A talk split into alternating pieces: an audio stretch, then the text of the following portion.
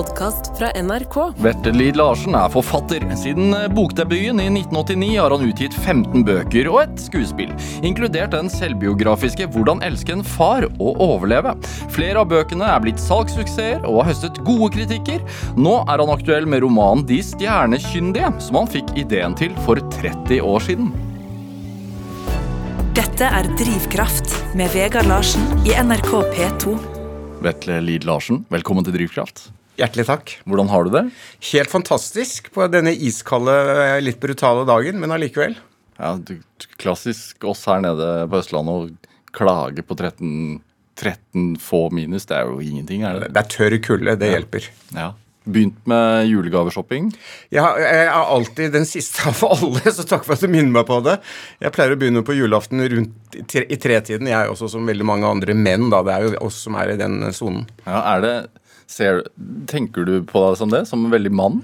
Ja, jeg gjør det. Jeg har klar identifikasjon som mann, men jeg, jeg har jo fullt av feminine sider også, eh, bare så det er sagt. Men det har alle gode menn. Men jeg helt, å være mann, det, det er en, en, del av mitt selvbilde. Ja, hva, på hvilken måte? Nei, jeg bare, altså Kjønn er viktig, rett og slett. Og, og jeg, mye av mine dårlige egenskaper altså De gode skyldes min personlighet, og de dårlige skyldes kjønnet. Da har jeg, så da kan jeg alltid skylde på det, liksom.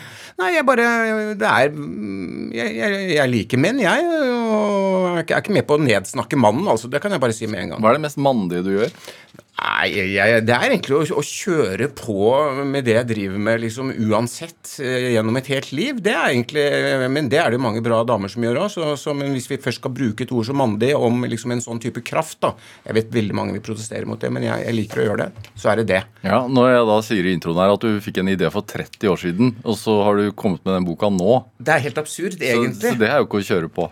Ja, jo, egentlig så er det å kjøre på. For, at, det, det, altså, for det første er livet veldig kort, og for det andre så henger liksom slutt slutt og begynnelse og midtpunkt det henger sammen på merkelig vis. Så vi tror det er så uendeligheter siden 1993, mm, liksom, da jeg fikk den ideen. Men det er ikke det er et lite øyeblikk siden, faktisk. altså. Ja.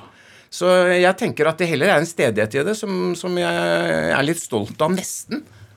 De, de stjernekyndige, som da er, ble tittelen på den ideen, ja. som uh, handler om stjernekikking? Ja, stjernekikking er det, er det, ikke det. Det er en ekspedisjon i, tvers gjennom Europa, gjennom Norge på, på slutten av 1700-tallet, frem til Vardø for å observere denne fantastiske Venuspassasjen. Mm. Så det er egentlig en, en, en, en dramatisk bok om, om sjalusi, eh, vennskap, ambisjoner, og samtidig en ganske brutal eh, verden, men også festlig. For Norge i 1769 og 1770, det er virkelig rock'n'roll. Altså, det må jeg bare si. Hvordan var det her da? Nei, det var et, liksom, rett før vi ble moderne. Men de ligner veldig. Det er det som er så gøy. Vi tror det er så lenge siden 1769. Men kommer du til 1769, hva er de mest opptatt av? Jo, de er opptatt av at Russland akkurat gått inn i Polen. Brenselsprisen er firedoblet. Veiene er elendige. Og Norge styres av en elite eh, i hovedstaden eh, som ikke skjønner vanlige folks behov. Så det er like før Trond Giske dukker opp i, i pudderparykk, liksom. Det er, det er, veldig likt, altså. Og ja. det er gøy. Og samtidig er det helt annerledes. Hva var det som uh brakte fram ideen for, for, altså, i 93? Ja, Det var rett og slett at jeg tilfeldigvis leste denne historien i et uh, eksemplar av Kystartillerinytt fra 1960 ved en tilfeldighet da jeg var i Vardø for helt andre, av helt andre årsaker. Og så ble den liggende der. Eh, Hva slags blekk er det? Ja, det er Kystartillerinytt. er vel det du egentlig, Når du er lei av å telle sauer eh, for å sove, så skal du lese ett eksemplar av Kystartillerinytt, for da sovner du allerede liksom i tredje setning. Det er, det er den mest drepende publikasjonen som noen gang er utgitt i kjedsomhet, altså på norsk. Men én god artikkel har det vært der, og det var den som jeg leste, som var fra 1960, egentlig, hvor hele denne fantastiske reisen til denne mm, jesuittiske astronomen Hell, Maximilian Hell, mm. denne reisen gjennom gjennom Norge er beskrevet. Hele historien er egentlig der, altså. Og, og, så, så, så, og jeg bare tenkte at det, det, var en historie som hadde alt. Den hadde både trøkk, den hadde overraskelser, den har drama, natur øh, og, og, liksom Norge på en måte. Så jeg tenkte at dette her, øh, den burde jeg skrive noe, og gjøre noe med, tenkte jeg da. Og så skrev jeg masse andre mindre gode bøker før jeg egentlig helt vendte tilbake til dette, da. Mm. Så det er noe med at ting henger sammen her i livet, altså. Er det er det noe med det at man må være klar? Altså at eh, det, det, en idé kan ligge og ulme i bakhodet såpass i lang tid, men, men man må faktisk kommet til et sted i livet hvor man nå er klar for den ideen? Det, det er overraskende presist formulert, faktisk. For at jeg føler det absolutt sånn. Og det er akkurat sånn det kan være med mennesker i livet ditt som du har vært innom før, og så dukker det opp på et senere tidspunkt. Det kan være kjærlighet, det kan også være vennskap. Og så plutselig så hugger det til, for nå er du rede, som du sier. Nå er du klar. Nå er øyeblikket der. Og hver ting har sitt øyeblikk. Og det mest uheldige man kan gjøre i livet, tenker jeg, det er jo å, å huke seg på noe i feil øyeblikk. Ja. Det hjelper ikke at greia er riktig hvis øyeblikket er feil. Timing er alt, altså. Har du gjort det noen gang? Ja, jeg har ikke gjort annet.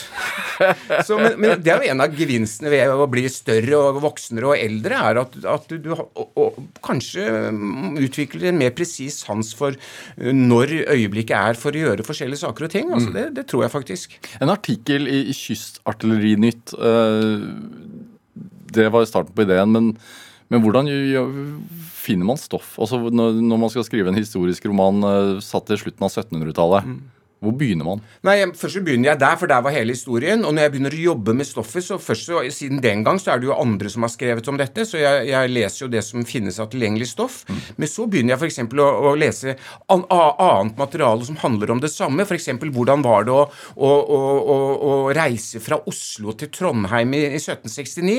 Det er jo masse folk som beskriver altså det er, jo, det er jo et helvete, bare det, liksom. Hvordan gjorde man det? Ja, så liksom Bare det å komme opp i Gjelleråsen, altså ved Stovner. De må gå av vognen og skyve den opp lia der. Det er en ringeklokke øverst i bakken hvor de står og ringer for, for, å unngå motgående trafikk. Det er ferger over elvene hvor, de, hvor, prisene er eh, inflaterte, og, og, og, det er eh, bratte stup, og det er et drama, bare det, rett og slett. Så da leser man andre beskrivelser, og så kan jeg stjele og, og kopiere og bruke fra alt jeg kan få tak i, og så mm, komplementerer du fortellingen din, rett og slett. da. Så, så det er ute etter, er jo først og fremst egentlig å få ut drama i dette stoffet. Jeg vil jo skrive en fortelling som er spennende, og som huker deg. Jeg er jo en enkel mann. Jeg tenker at i det øyeblikk leseren sovner på side 17, så har du tapt. Så dette er en ganske omfangsrik Hvordan unngår man det, da? Ja, det, den, det unngår du med å, å, å, å ha lært deg hvordan du skal fortelle en historie. Og jeg brukte mange år på å komme dit. For at de første årene av mitt liv så skrev jeg kanskje brukbart sånn rent språklig, men jeg visste jo ikke at det å fortelle en historie det handler om andre ting, om prinsipper som allerede Aristoteles for, formulerte for liksom 2500 år siden. Altså vendepunkter, utvikling øh, Alt dette som handler om dramaturgi, da. Mm. Og det har jeg undervurdert, og det undervurderer man nok i norsk litteratur også, fordi at det, det er ikke fint nok å være opptatt av det. For norske litterater skal stort sett egentlig mm, skrive nåtid, øh, smerte, smerte og den rene fortellingen, det er liksom Steven Spielberg som driver med, og det er litt på, på annen rad. Men det er vanskelig, og det er gøy. Jeg er ikke forfatter, jeg er forteller, sa du til meg før vi gikk inn her. Ja, jeg føler at det, for jeg føler at forfatter, ja, det er greit, men, men, forteller, det er på en måte, det er et håndverk du må lære. Det er som å snekre. Det krevet mange år. Jeg har brukt mange år på det. Jeg føler at apropos det med liksom modenhet og ting som skjer i livet på ulike tidspunkt, nå føler jeg at jeg har en slags kontroll over virkemidlene mine. Men det tok meg, da står jeg med én fot i graven, ikke sant. Det jo, det er jo bittert at det skal ta så lang tid. Og så er det litt fantastisk også. Det betyr ikke at alt jeg gjør nå er genialt, men jeg har på en måte et håndverk. Jeg behersker noe ordentlig, rett og slett. Det tror jeg jeg kan si, faktisk. Men du føler deg ikke gammel? Nei, overhodet ikke. Eh, det gjør jeg ikke. Jeg tenker på faren min. Eh, han er jo død av alzheimer, og jeg var jo veldig glad i han. Men de siste årene, Han var jo skuespiller, men de siste årene han levde, så turnerte han rundt med et foredrag som het 'Med alder som kvalifikasjon'. Og jeg tenkte faen, gi deg nå, da, pappa. liksom, Med alder så kan du ikke bare nå cave inn, tenkte jeg. Men, men det var noe fint ved det. Fordi at det er, det er, på en måte Kunnskapene kommer med årene. altså. Jeg tror du mister mye mindre enn det vi vanligvis innbiller oss om, om, voksne, eldre mennesker. Ja, Hvilken innsikt har du nå, da, som du gjerne skulle hatt eh, da du debuterte? Nei, jeg skulle, for, for, jeg skulle ha skjønt uh, på en måte hva det vil si å fortelle en fortelling. Det, det, det undervurderte jeg totalt. Du brukte mange år på å komme dit. Jeg skulle ha skjønt hva som har gitt meg størst øh, lykke i livet, rett og slett. Jeg skulle vært mye råere på å plukke ut Dette er jo banalt, da. Plukke ut det verdifulle mm. istedenfor å kaste bort masse tid. Hva er det, da? Hva er det verdifulle? Nei, det verdifulle er altså store kunstopplevelser. Og da, nå, nå, da bruker jeg den klisjeen igjen. Gåsehud. Altså det, det som huker tak i deg. Være rå på å, å, å, å, plukke ut det beste.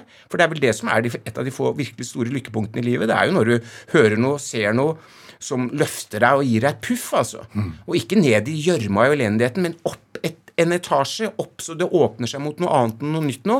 Det er derfor jeg skriver. Og det er det som er deilig. og Derfor så skriver ikke jeg eh, om incest i Nord-Trøndelag, liksom. For det har vi nok av. Eller skilsmissekonflikter. eh, Det er jeg ferdig med.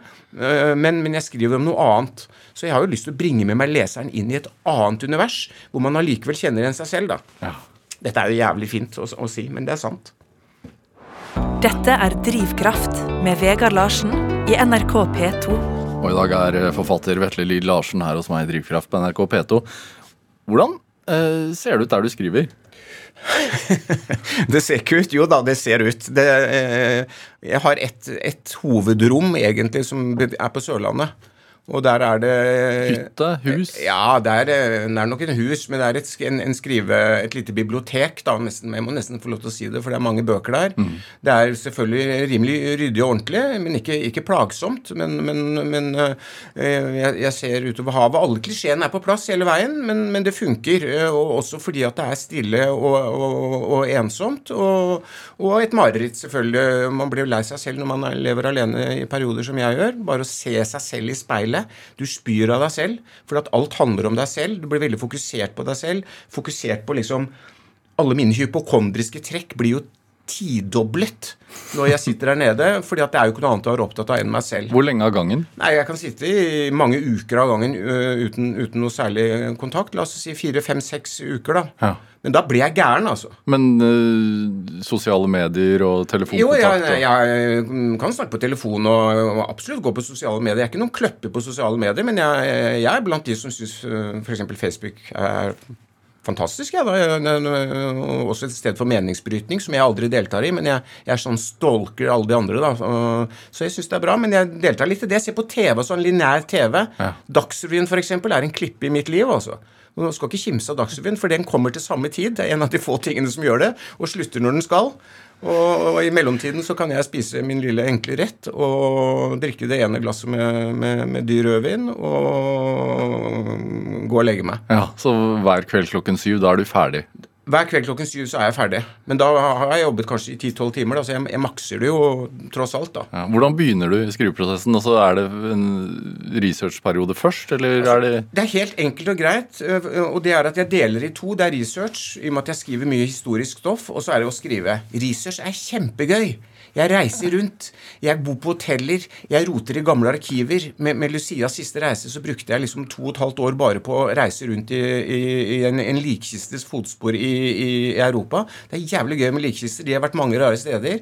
Med De stjernekyndige så har jeg trålt oppover kysten i Norge. Jeg har vært i Wien, jeg har vært i København. Jeg elsker det. Hvorfor ikke bare sitte hjemme og lese om det?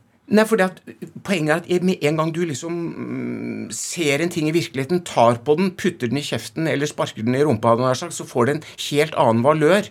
F.eks. i De stjernekyndige så er det en giftplante som er veldig sentral, som heter nyseurt. Album veratrum. Og den finnes bare i Vardø, og jeg har vært i Vardø mange ganger, aldri sett den.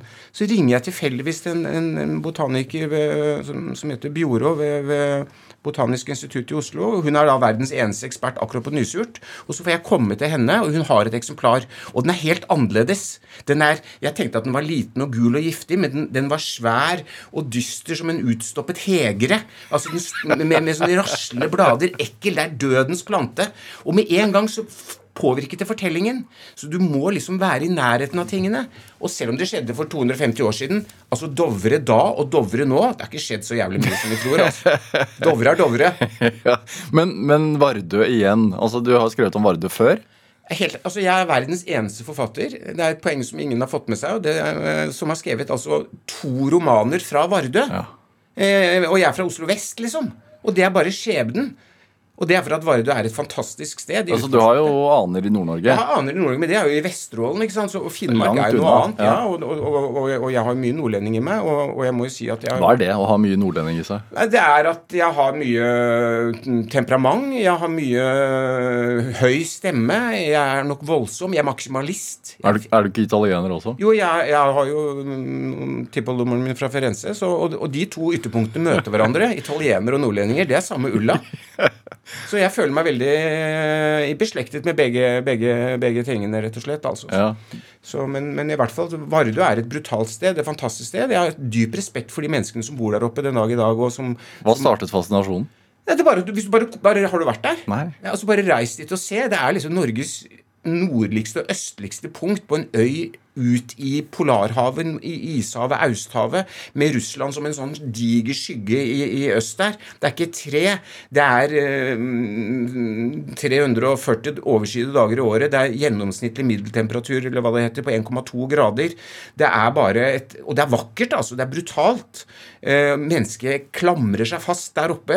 Det er liksom håpet også, at mennesket utholder dette. Mm. Og disse berømte astronomene og deres norske sjalu assistent som kommer dit i 1769, Altså, det var, det var, det samme stedet. Da var det Norge-Sibir, det var straffanger der oppe, det var um, um, forbrytere som ble plassert der. Um, det var en festning der, det er det fortsatt. Men i hvert fall et brutalt sted å komme, altså. Så det, så det er dypt fascinerende. Mm. Og det er et ekstremt sted, og, og, og, sånn sett så er nok jeg glad i det ekstreme. Hvorfor ble du fascinert av stedet i utgangspunktet? Nei, altså, jeg, jeg, kom dit og ble slått, som, som nevnt, bare at jeg syntes det var et helt brutalt sted. Ja. Og, og, vakkert i sin, i sin brutalitet, altså. Og, og, menneskets nærhet til naturen i så ekstrem grad. Det liksom Alt annet blekner. For det er jo Vinden og havet står jo rett inn fra, fra Nordpolen, så å si. ikke sant? Så, så, det er fascinerende eksistensielt sett. da, ikke sant? Og, og, og, livet vårt handler jo i høy grad om å, å, kjempe mot elementene, enten de nå er inni oss selv eller utenfor oss selv. Og, og der oppe så de, fant jeg på en måte begge tingene ganske godt representert. da. Mm. Er det temaer som generelt opptar deg? Ja, altså jeg øh, Egentlig så det, Jeg kan vel ikke si det. det altså, I De stjernekyndige så er det på en måte en ekspedisjon. Det er brutaliteten, og det er kampen og sjalusien mellom disse hovedpersonene. Men i Lucias siste reise så er det på en måte mer det episke og, og mer kanskje en, en, fascinasjon av historien, og at dette ene objektet som liksom reiser opp gjennom hele Europas historie. Mm. Så det er litt mer en historiebok, kanskje, mens, mens De stjernekyndige er litt mer roman. Men samtidig så er jeg glad i historien. Jeg syns det er dritspennende med historie. Jeg har lest eh, grunnfag på universitetet, tok ikke noe eksamen. Eh, altså At et så spennende fag kan ødelegges av så mange ubegavede skribenter, det er en tragedie for, for, for Norge. Så jeg, må, jeg, fant raskt ut at dette må jeg lese selv.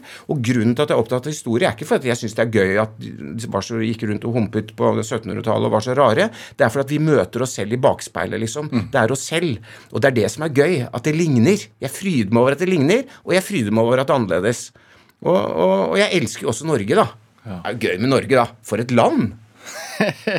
men, men, i forhold til drivkraft, da, som dette programmet heter, altså det, denne hell må jo ha hatt uh, en overbevisning uh, større enn både du og jeg har. altså, helt fantastisk skikkelse, apropos drivkraft, for at vi er i 1769. Han er kanskje verdens, en av verdens mest berømte astronomer. Han, får, han, han blir hyret inn av den dansk-norske kongen for å reise opp til Vardø og, og, og, observere denne Venuspassasjen som foregår i seks timer den 3. juni 1769. Så han reiser av gårde fra Wien. Det er en reise på 10 000 km. Den varer i to år. Han har med seg en ungarsk assistent og en og en, og en, antageligvis en kongepuddel. Eh, han, han, han, han, har nesten ikke reist noe særlig før. Han har knapt nok vært utenfor skrivebordet sitt, for å si det slik. Og nå legger han ut på en, på en reise som er altså så uh, farlig på mange vis, og så knallhard. Og samtidig er han, han er liksom en, en, en briljant vitenskapsmann. Han er professor i astronomi, i matematikk, i teologi, i filosofi. Han, han behersker alle, alle ulike um, fag, og han sammenfatter det med sin egen person personlighet. Det er før ekspertveldet, liksom, så han er liksom dypt innsiktsfull. Og så er han jesuitt, og jesuittene er knallharde. Og dessuten så har de ikke eh, adgang til Norge på denne tiden, så man reiser reise i forkledning. Eh, men bare det å komme til Norge, altså, eh, og bare det å komme til Trondheim f.eks., og bare det å bli utsatt for trønderske drikkeskikker Jeg har jo selv knapt nok greid å komme meg fra Trondheim alle de gangene jeg har vært der oppe, for folk drikker jo som gale, ikke sant. Og han og de kommer dit på ekspedisjonen, og de har planlagt den i to år, men de kommer da altså inn i invitert inn til Det er ikke én Rim da, Reitan på den tiden, det er 50 stykker. De er grunnrike, de bygger vakre gårder, og de er store festtafler. Mm -hmm. Og disse to astronomene blir invitert ved bordet, og de drikker altså Drikkeskikkene er så voldsomme at bare før forretten så har de skålt 102 ganger. Så de er, blir så fyllesyke at de må utsette avreisen fra Trondheim. Enda de er voktet av hele det vitenskapelige miljøet og av det dansk-norske kongehus. Så altså, det er på en måte Men de kommer seg derfra, og, og deretter så tar historien fart på en måte. Så, så Koser du deg når du sitter og skriver dette her? Når jeg dukker opp, øh, når jeg får tak i historien, øh, så, så koser jeg meg, for jeg tenker wow, dette er, så, dette er så gøy, det er så spennende. I det øyeblikket jeg skal sitte og skrive den, så begynner helvete. Så da er vi over i fase to. Da er liksom researchen unnagjort. Og så går du inn, og låser du deg inn, og så skal du presse en, en fortelling ut av dette. Og det, uten å kokettere, syns jeg er et helvete. Hvorfor det? Det, det er for seg jævlig vanskelig å skrive. Det vet alle som selv sender et SMS til mora di. Hvordan Kjære mamma, hvordan skal du formulere det? liksom? Det er vanskelig. Det er noe av det vanskeligste du kan gjøre. Jeg har dyp respekt for at det er så mange bra forfattere i Norge. Det må jeg bare si. Som Hvordan er dine SMS-er til mor? ja, de er, øh, de er dårlige, øh, egentlig. Det er, ikke gode, det er ikke veldig gode formuleringer der, det må jeg si. Men øh, jeg er veldig glad i mamma, da. Men, men og, og, hun har gitt meg mye litteratur og bøker, og er jo selv forfatter. Men, øh, men jeg, øh, jeg kjemper med formen, altså. Ja. Og, og så mye at jeg har, har lyst til å slutte hele tiden. Det er en, det er en, det jeg syns det er en smerteprosess, og dessuten, jeg tror ikke på folk som syns det er gøy å sitte og skrive. Det er ikke gøy. Hvis du syns det er gøy, da er du en dårlig forfatter, altså. Men hvorfor velge å gjennomgå denne lidelsen, da? Ja, for det, for det første så er det det eneste jeg kan. For det andre så ligger det jo en, en Og det er det eneste jeg kan. Eh, og jeg sier for tredje gang det er det eneste jeg kan. Jeg har ikke noe valg. Jeg har skrevet til da jeg var seks. Jeg har aldri gjort noe annet. Det i seg selv er en hemsko og en mangel ved meg at jeg ikke har gjort noe annet. Det burde jeg ha gjort. Det har jeg ikke gjort. Og, og, og Ja Det er jo en tilfredsstillelse bakenfor helvete når i de få glimtene du føler at du får noe til. Men sånn tenker jeg det er på alle felter for alle de menneskene jeg beundrer, som, som har på en måte et bra trøkk. Det er, lykken er jo ikke der som en, en, en tilstedeværelse. Den kommer i små sekunder, og det gjelder også La oss si jeg har to lykkesekunder i løpet av en ukes arbeid med tolv timer. om ja, men det er sant! Og så tenker jeg, hvis du, hvis du ser på det jeg har skrevet, tenker jeg fy faen, dette er jævlig bra. Så tenker jeg neste gang Jeg vet at det er illevarslende å ha den følelsen, for dagen etter du leser det, så ser du at det er helt elendig. Ja. Sånn at øh, Det er på en måte en del av dynamikken, og det er vel også derfor det kanskje blir bra når det først blir bra, da. Men, men ja. Hvor, hvordan vil du beskrive selvtilliten din? Den er veldig varierende, for å være helt ærlig. Jeg, på en måte så har jeg bunnløs selvtillit. På en annen side så er jeg dypt usikker på meg selv. Ja. Eh, og den, det er en pendel som slår frem og tilbake. Eh, og, sånn at det skal mindre til å vippe meg av pinnen altså, enn jeg egentlig liker å innrømme, for å være helt ærlig. Sånn at jeg må på en måte mm, klamre meg til det sterkeste og beste i meg selv noen ganger og, og, og holde blikket i den retning. For det er jo en avgrunn under. Og jeg vet ikke om det bare er jeg selv som er sånn. Eh, Jeg merker vel også når jeg møter mm, kompiser, venner, mennesker ja, De som har blind selvtillit, er ofte kjedelige og endimensjonale også.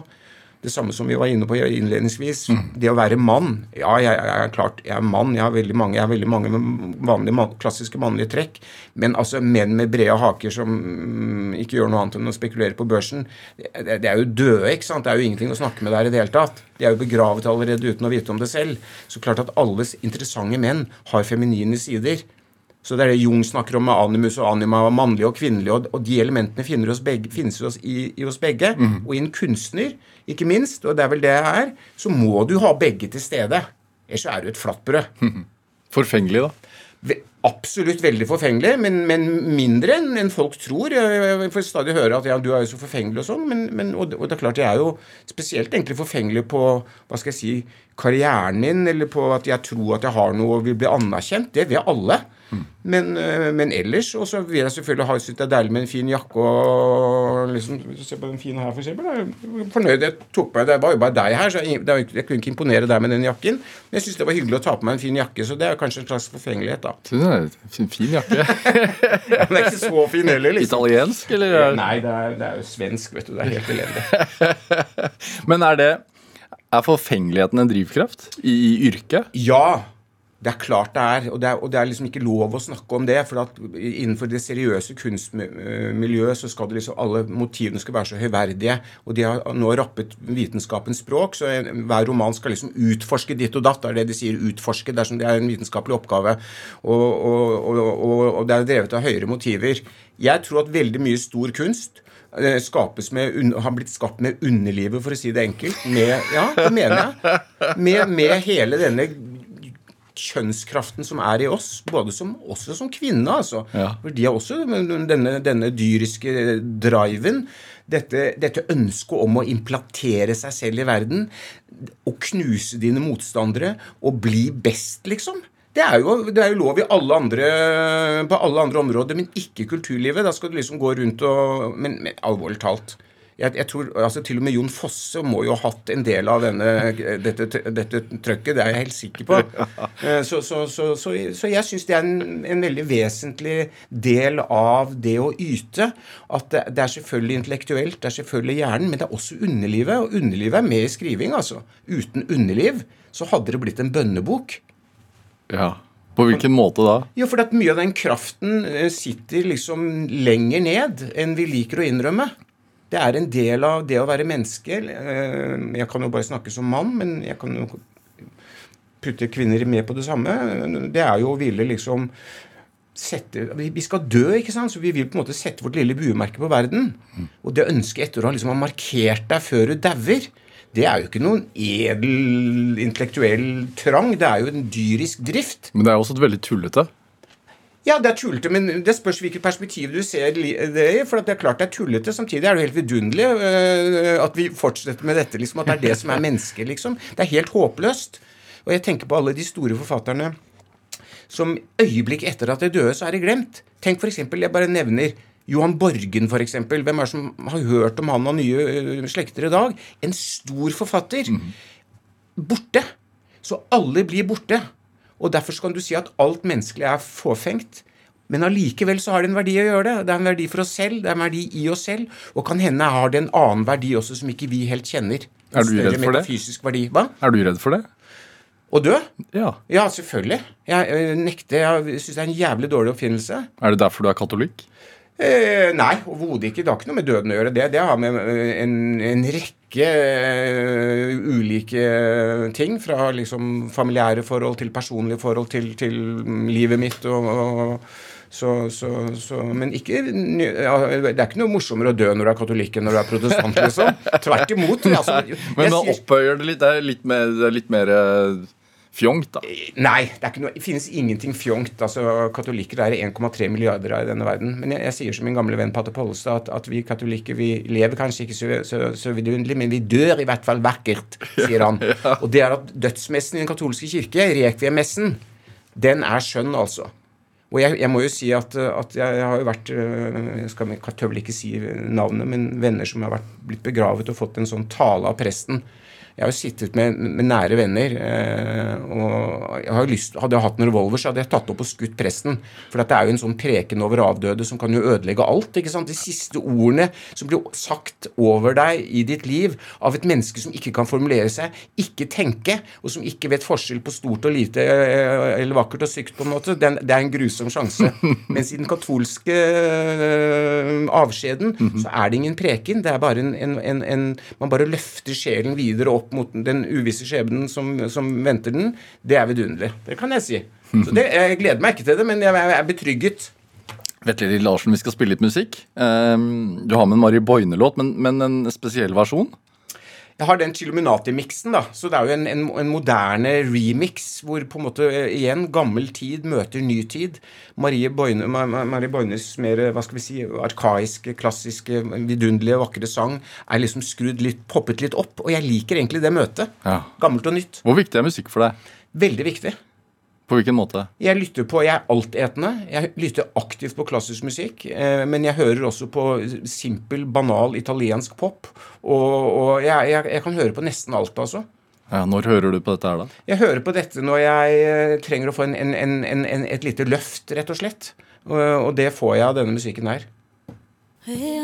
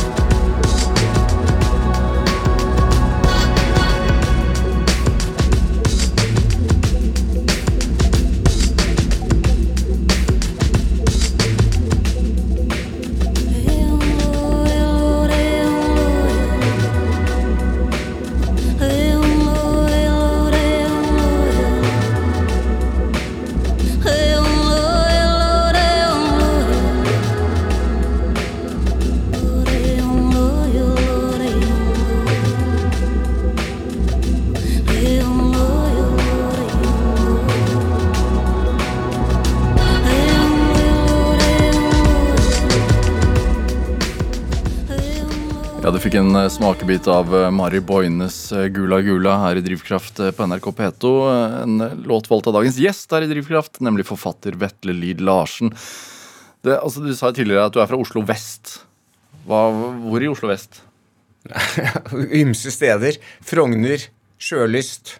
Uh, men jeg har også bodd i aldersboliger for pensjonerte leger på Østhorn, liksom, som er litt mer nord. da. Så jeg har liksom med meg noe litt folkelig i, i, på bunnen her. Ja. Så, men jeg er glad i Oslo vest. Jeg, altså, jeg har lenge vært stolt av å glad å være i Oslo vest. Jeg har aldri lagt skjul på det. Flott område, det. Og dessuten så er det mye mer sammensatt på Oslo vest enn det man skulle tro. Man tror liksom folk går rundt i og ser ut som han fantastiske NRK-komikeren hva, hva, heter han? Hjelp meg med. Robert Stoltenberg og han, hans figurer, liksom. Det er jo noen sånne der òg, men det er jo mange ulike folkeslag. Det er et uh, variert område. Hvordan fant du deg til rette, da? Nei, altså Jeg har vært der, bodd, bodd der hele livet, så, så jeg, men jeg finner meg til rette stort sett uh, overalt. Uh, mer eller mindre, i hvert fall. Og Dessuten så har jeg ikke bodd på Oslo vest. Det er bare ljug, for jeg har bodd mer i Italia enn jeg har bodd på Oslo vest. Så det er kanskje en av grunnene til at jeg I oppveksten også? Nei, ikke i oppveksten, men i, i mitt voksne liv, da. Ja. Eller i mitt, mitt liv sett under ett så har jeg nok tilbrakt mer, nesten mer tid i Italia enn i Norge. Det er jo øh, Vokste jo opp i et kunstnerhjem. Ja. Øh, det blir ikke feil å si. Nei, det er jo absolutt. Og, og så å si vokste opp på Nationaltheatret. Ja. ja. Hva, hvordan forholder man seg til det som barn? Skjønner man noe av hvilken uh, virkelighet man blir født inn i? Altså Alt blir jo vanlig når man fødes inn i ting, men, men og, og, du ser det tydeligere i ettertid. altså Moren min, Sonja, er jo forfatterinne. og skuespiller. Bøker, ja, og skuespiller, men leste høyt for meg. Jeg fikk liksom bøker fra henne. Hun viste meg litteraturen. Faren min var ikke noen utpreget litterær mann, egentlig. Han var mer, en mer praktisk, i anførselstegn, rettet mann, da, men han, han var på Nationaltheatret. Og jeg, der satt jeg også, fulgte alle prøver og, og Hva gjør det? Nei, det gjør egentlig merkelig nok eh, For det første så elsker jeg bygningen, og nå må de faen meg få reservert den eh, og gi nok penger til det, for det er en nasjonalskatt, så det, det haster. Men, men, det det egentlig gjør, er at det påvirker min forhold til språk timing altså jeg, Hva jeg snappet opp ved å sitte og følge prøve i time etter time, år etter år, mm. på, på, alt fra Torshov-teatret til hovedscenen. Det er akkurat som du lærer deg et språk ved å ha det på sånn mm, mobil i, i, øret uten egentlig å studere aktivt. Du lar bare språket gå, og så siver det inn i underbevisstheten. Så klart at Når jeg har tilbrakt sikkert 1000, 10 000 timer på Nationaltheatret, så er jeg, noe har jo gått inn i, derfra mm. Og bidratt til å forme mitt forhold til språk og timing, som kanskje er det viktigste viktigste jeg har, på en måte. Hvorfor måtte du være der så mye? Det er fordi at jeg, jeg, var veldig mye sammen med faren min, øh, og jeg øh, likte å komme dit. Så jeg dro dit fra skolen. Jeg, jeg hadde ikke så, så, mange venner en periode, så da dro jeg dit og, og, og, satt der. Jeg, jeg skoftet skolen. Jeg var aldri veldig glad i skolen, egentlig. Hvorfor det? Nei, fordi at jeg følte at jeg ikke har Jeg, jeg mangler en eller annen merkelig altså For å være helt ærlig, så har jeg tallafasi. Jeg vet ikke, jeg, jeg, var helt elendig på liksom sånn mm, grammatikk, tall. Jeg er helt blind. Eh, sånn at jeg gjorde det jævlig dårlig no, i noen fag, liksom. Jeg, jeg, vet ikke egentlig om jeg kom meg gjennom videregående. Jeg, jeg tror jeg fikk, jeg fikk ikke tre eller to, eller jeg fikk ikke engang én i matte på videregående. Jeg fikk det. Det er deltatt. som er det laveste av det lave, liksom. Så jeg vet egentlig ikke helt for å være ærlig om jeg har artium engang. Sånn at jeg hadde litt problemer. Samtidig så var jeg jævlig god i språk, rett og slett. Mm. Og, og det, det, er jeg jo. Jeg er jo lynhurtig. Det med, det med, selvtillit som vi pratet om tidligere, at du ja. tidvis kan føle deg meget selvsikker, men også helt på den andre siden. Ja. Kan det ha en sammenheng med det? Altså at det at du ikke klarte å fullføre skolen ja, det kan ha en sammenheng med det. Det kan også ha andre dypere øh, personlige ting, kan hende. Men, men, i hvert fall så har det vel medført at en slags mer sånn enda mer aggresjon på at jeg skulle liksom få det til, da. Og litt knyttet opp til at den eneste verdien, for å si noe også igjen kritisk, som jeg selv på en måte kunne se at jeg hadde, var ved å imponere andre. Ikke sant? At du tar det igjen ved å liksom Du føler du har selvverd hvis du imponerer noen. Ja, hvordan gjorde du det, da? Nei, ved, ved å imponere imponere noen. ja. Ikke sant? Ved å liksom, At det som kanskje var drivkraft på den negative siden noen ganger, var på en måte mer å Som journalist òg, det var jo også ville imponere noen, få suksess, da. Ja. Eh, mer enn at det var en indre drivkraft. Jeg anerkjenner biter av det som en ålreit motivasjon, men ikke bare. Så jeg tror det er veldig viktig at hvis du skal bli god i noe, så kan du ikke bare bli det ved å imponere andre. Du må jo på en måte ha noe som stikker dypere i deg, og det, og det har jeg altså. Mm. Men i perioder av livet mitt så har jeg nok, og særlig i starten, en usikkerhetsfølelse kompensert for ved å prøve å skaffe meg ytre suksess for å bli akseptert av gutta, liksom. Hvorfor hadde du problemer med å få venner, da? Ja, jeg vet ikke, fordi at øh, Jeg hadde jo venner. Jeg hadde jo noen venner. Jeg var ikke noen, jeg var ikke noen sånn helt loner, men jeg, jeg hadde færre venner av en eller annen grunn. Kan hende fordi at jeg øh, Jeg vet ikke. Jeg, det er sånn selvmytologiserende tull som folk driver med. Jeg hadde ikke veldig mange venner. Jeg hadde noen. Jeg hadde det hyggelig på barneskolen. Og jeg flyttet øh, inn på en øh, vestkantskole da jeg gikk i sjette klasse. Det gikk ikke så bra, så kanskje det er den perioden, da. Mm. Foreldrene mine var radikale og hadde kjørt rundt med kano på taket og sånn. Det gikk ikke jævlig bra på Bestum, hvor, hvor, da, hvor jeg da begynte. sånn at i den perioden så var det litt sånn. Fikk du høre det? Ja, jeg føler det. At jeg er mer enn å høre det. Jeg følte at jeg hadde det ganske hardt, ja. ja hvordan da? Nei, jeg følte at jeg ble Jeg var vel et slags mobbeobjekt. Sånn følte jeg det selv. Jeg er jo følsom. Jeg har jo kompiser fra den tiden som sier at jeg bare er ljug. Det var ingen som mobbet deg, og du var kongen i klassen og sånn. Mm. Men det er jo igjen en ny løgn. Eh, så det har jeg tatt på kammerset med, med min, min gode venn. Eh, Arne Berggren eh, som, som, sa dette. Men, men, men, uansett, da. Jeg var mye på Nationaltheatret. Jeg satt eh, og overvar prøvene i time etter time. Jeg skulket skolen, og det ga meg en gevinst. Ja. Men, men, å bli eh, utsatt for eh, høykultur, da, eh, som du jo var på hovedscenen på Nationaltheatret på den tiden mm. Jeg elsker høykultur, jeg. Ja. Dette, dette, Norge er det eneste landet i verden hvor kan, alle kan elske høysport. Men høykultur skal du liksom ikke elske. Det skal være lavkultur, da. Hvis du skal liksom Mens høysport er jo ingen som gidder å, å, å se på langrennsløpere i åttende divisjon og synes det er så flott. Vi vil jo se på de beste. Ja. Og hvorfor skal vi ikke liksom også kunne være begeistret for, for, den beste kunsten? Det er jo det som er høykultur. Det er ikke det at den er høy, det er at den er best. Uh, og så kan vi diskutere hva som er best, selvfølgelig, og det er jeg med på. Det er en morsom diskusjon. Men den der høykulturbiten og den angsten vi har for det i Norge, det har jeg aldri assosiert meg med. Hvorfor har vi det, tror du? Ja, for at Vi er på en måte et land hvor kong Olav tok trikken, og det er noe bra i det. Vi er, vi er på en måte et land, et egalitært land, eh, hvor det er liten avstand, i hvert fall i folket, sett opp mot andre land som hadde adel og andre historiske tradisjoner. Jeg identifiserer meg med det.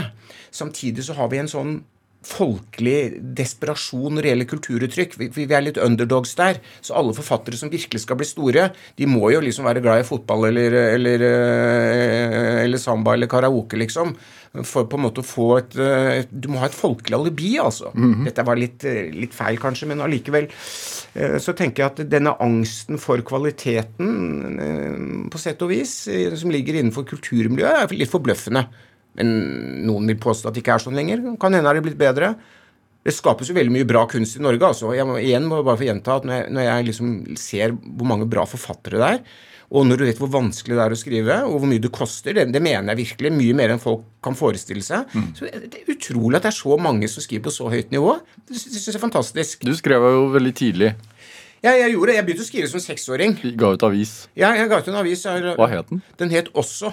Også? Også, også altså. Også, ja. Og Hva skrev du om? Da skrev jeg mer sånne indoktrinerte artikler om, om uh, sulten i Biafra og, og Vietnamkrigen og slike ting som jeg hadde snappet opp fra mine foreldre. Som, som seksåringer? Ja, som seksåringer. ja, ja. opptatt av? Ja, som alle seksåringer opptatt av. Men jeg hadde jo 100 abonnenter, og den kom jo ut en gang det? i måneden. Det var jo alle de som jeg møtte på min vei og, og vervet.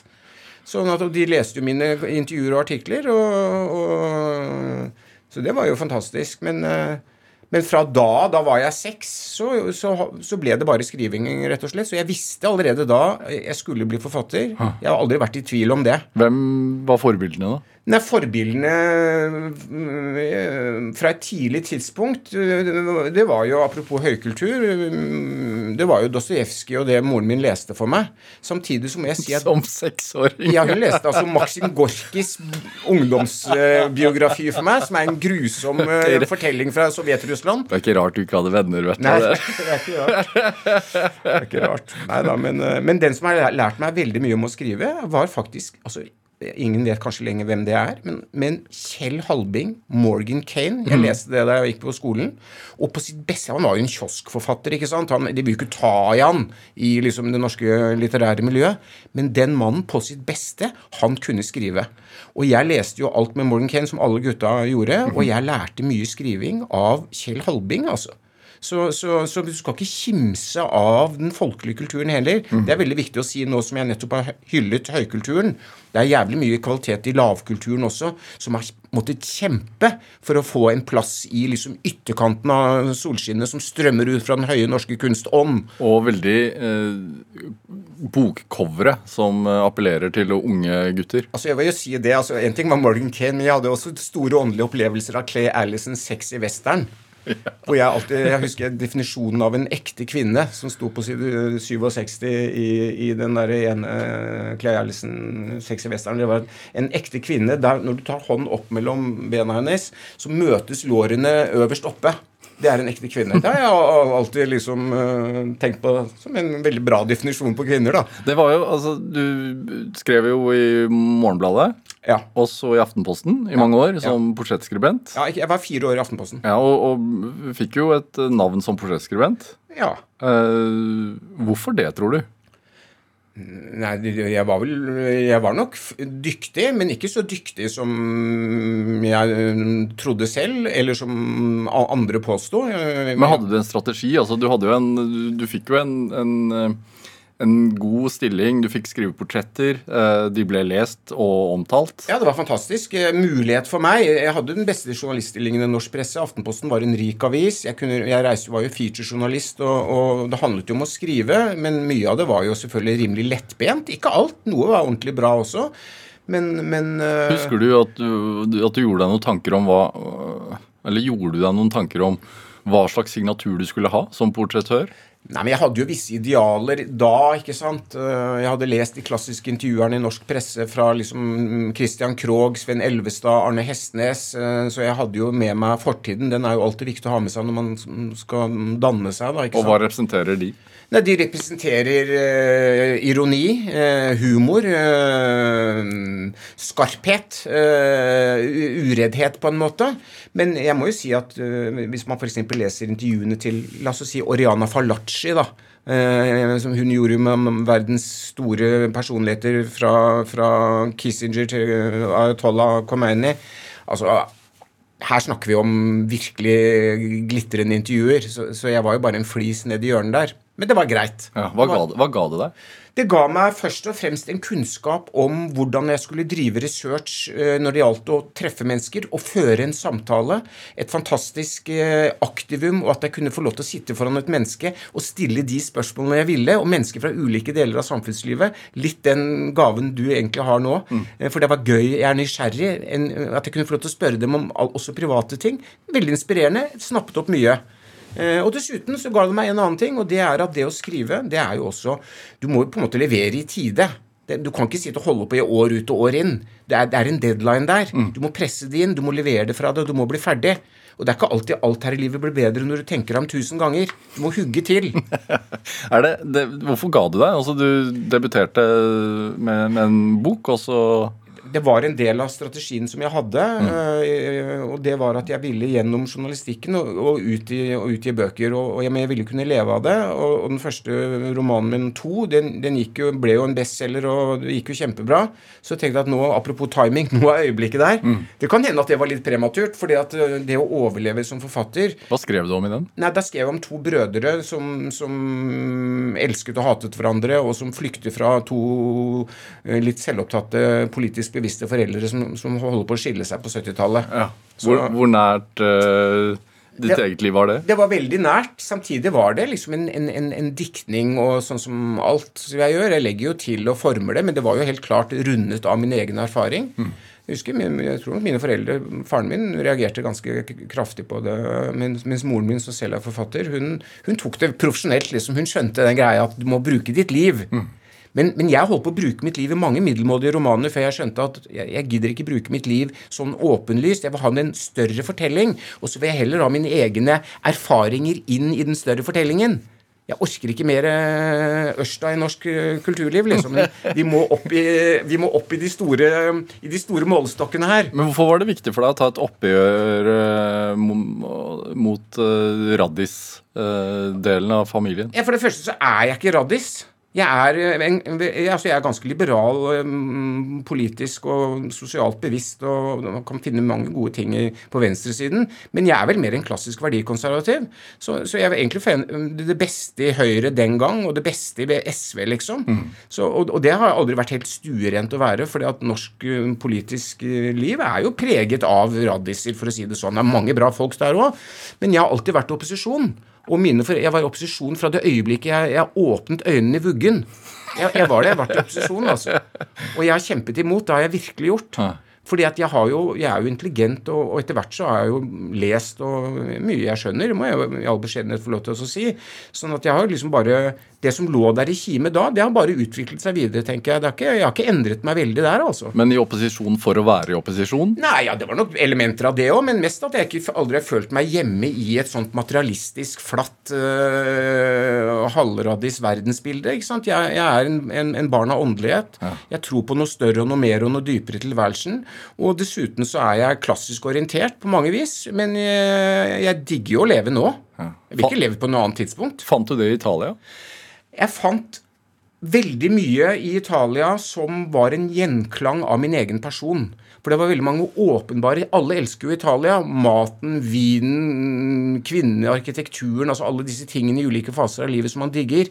Men først og fremst så var det egentlig eh, anarkiet der, disrespekten overfor staten, at, man er litt, at det ennå er litt baller der, liksom. At man ikke er blitt en lydig slave under liksom det tunge, grå apparatet av øh, politisk ledelse. Ja, men jeg mener det. Det var så deilig følelse. Det er litt sånn der ennå. Ja, spør de, som prøver å lede, hvordan ja, det går. Og de har en negativ side òg, for det er jo et land som det er umulig å lede. Og jeg ser den negative siden, men sett utenfra, da, så, så dyrket jeg jo dette litt.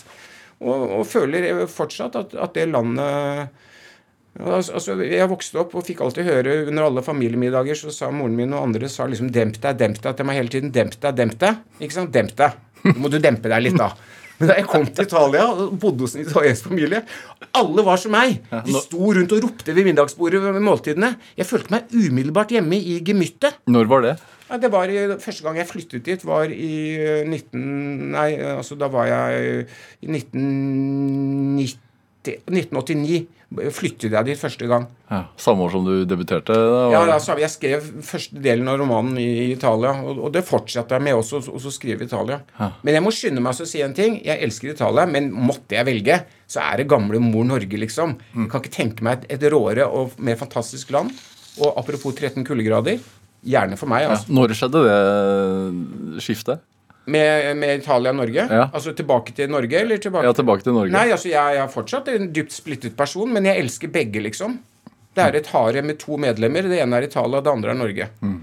Det med uh, Du fikk jo en uh, ganske stygg uh, sånn hjernerystelse, var det ikke det? Jo, jeg hadde en, en trøkk som satte meg ut noen år, jo. Ja. Ja. Hva gjør det? Altså, Du kunne jo ikke jobbe på noen år pga. det.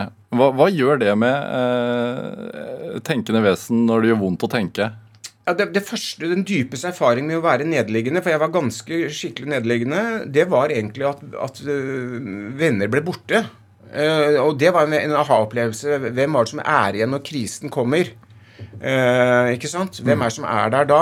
Det, det, da, da fremstår alt klarere. Det var ikke mange, så jeg mistet liksom 20 nære venner med en gang, for de ble borte. Uh, og så er det noen igjen. Så den, at liksom det var en, en klargjørende opplevelse på det, på det planet. Uh, så, og, og, så var det en verdi som moren min sier, at vend, vend det vonde til det gode, og du må liksom vokse i krise og sånn. Hold nå kjeft, sa mamma, sa jeg orker ikke høre mer vokse i krise. Men det er jo det man gjør, ikke sant? Hvor, hvordan da? Nei, det er klart at når du er helt nede, og det som mann, eller som menneske, for å si det, å bli satt ut av spill når hele identiteten din hviler på det du driver med som yrke, mm. det er som å pensjonere seg for mange menn også. Plutselig så spinner du fritt i luften. Hvem er du egentlig? Og det å ha den bunnen i seg, den roen i seg, og den viljen til å trenge ned i en eller annen materie som kan berike personen din nedenfra, det er noe man må lære seg, og det må vi lære oss fortest som mulig. Mm. For alle kommer i den posisjonen før eller siden i livet kanskje den viktigste tingen jeg tenker på. Jeg vet ikke om jeg greier det selv, altså. Du må på en måte hvile i noe mer enn i utenforliggende ting. Mm, hva fant du da, da? Jeg, jeg fant det, må jeg si. Jeg skjønner at jeg må være mest selvgode gjesten her i Drivkraft, men jeg fant jo en, en, en kjerne i meg selv som jeg har. Jeg fant en, en, liten krystall, liksom. Jeg har jo noe å hvile på der. Det gjør at jeg kan greie meg uten suksess og økonomi og stort sett, da. Eh, så lenge jeg har noen, noen dyre rødviner, så skal det meste kunne gå. er det Gjorde det noe med forfatterskapet? Ja, fordi at jeg kom nærmere livet, eh, dypere ned. Eh, erkjente kanskje det smertelige igjen som på en måte en vesentlig drivkraft, for å bruke det ordet her nå, mm. eh, til vekst og, og, gjenoppstandelse, egentlig. altså. Eh, for, for, meg vil jeg nesten si det så sterkt. Så, så, da jeg var ferdig med den perioden, det var først da jeg egentlig begynte å skjønne at det å skrive, det handler ikke om tekst, det handler om fortelling. Mm. Og så begynte jeg å studere fra det punktet.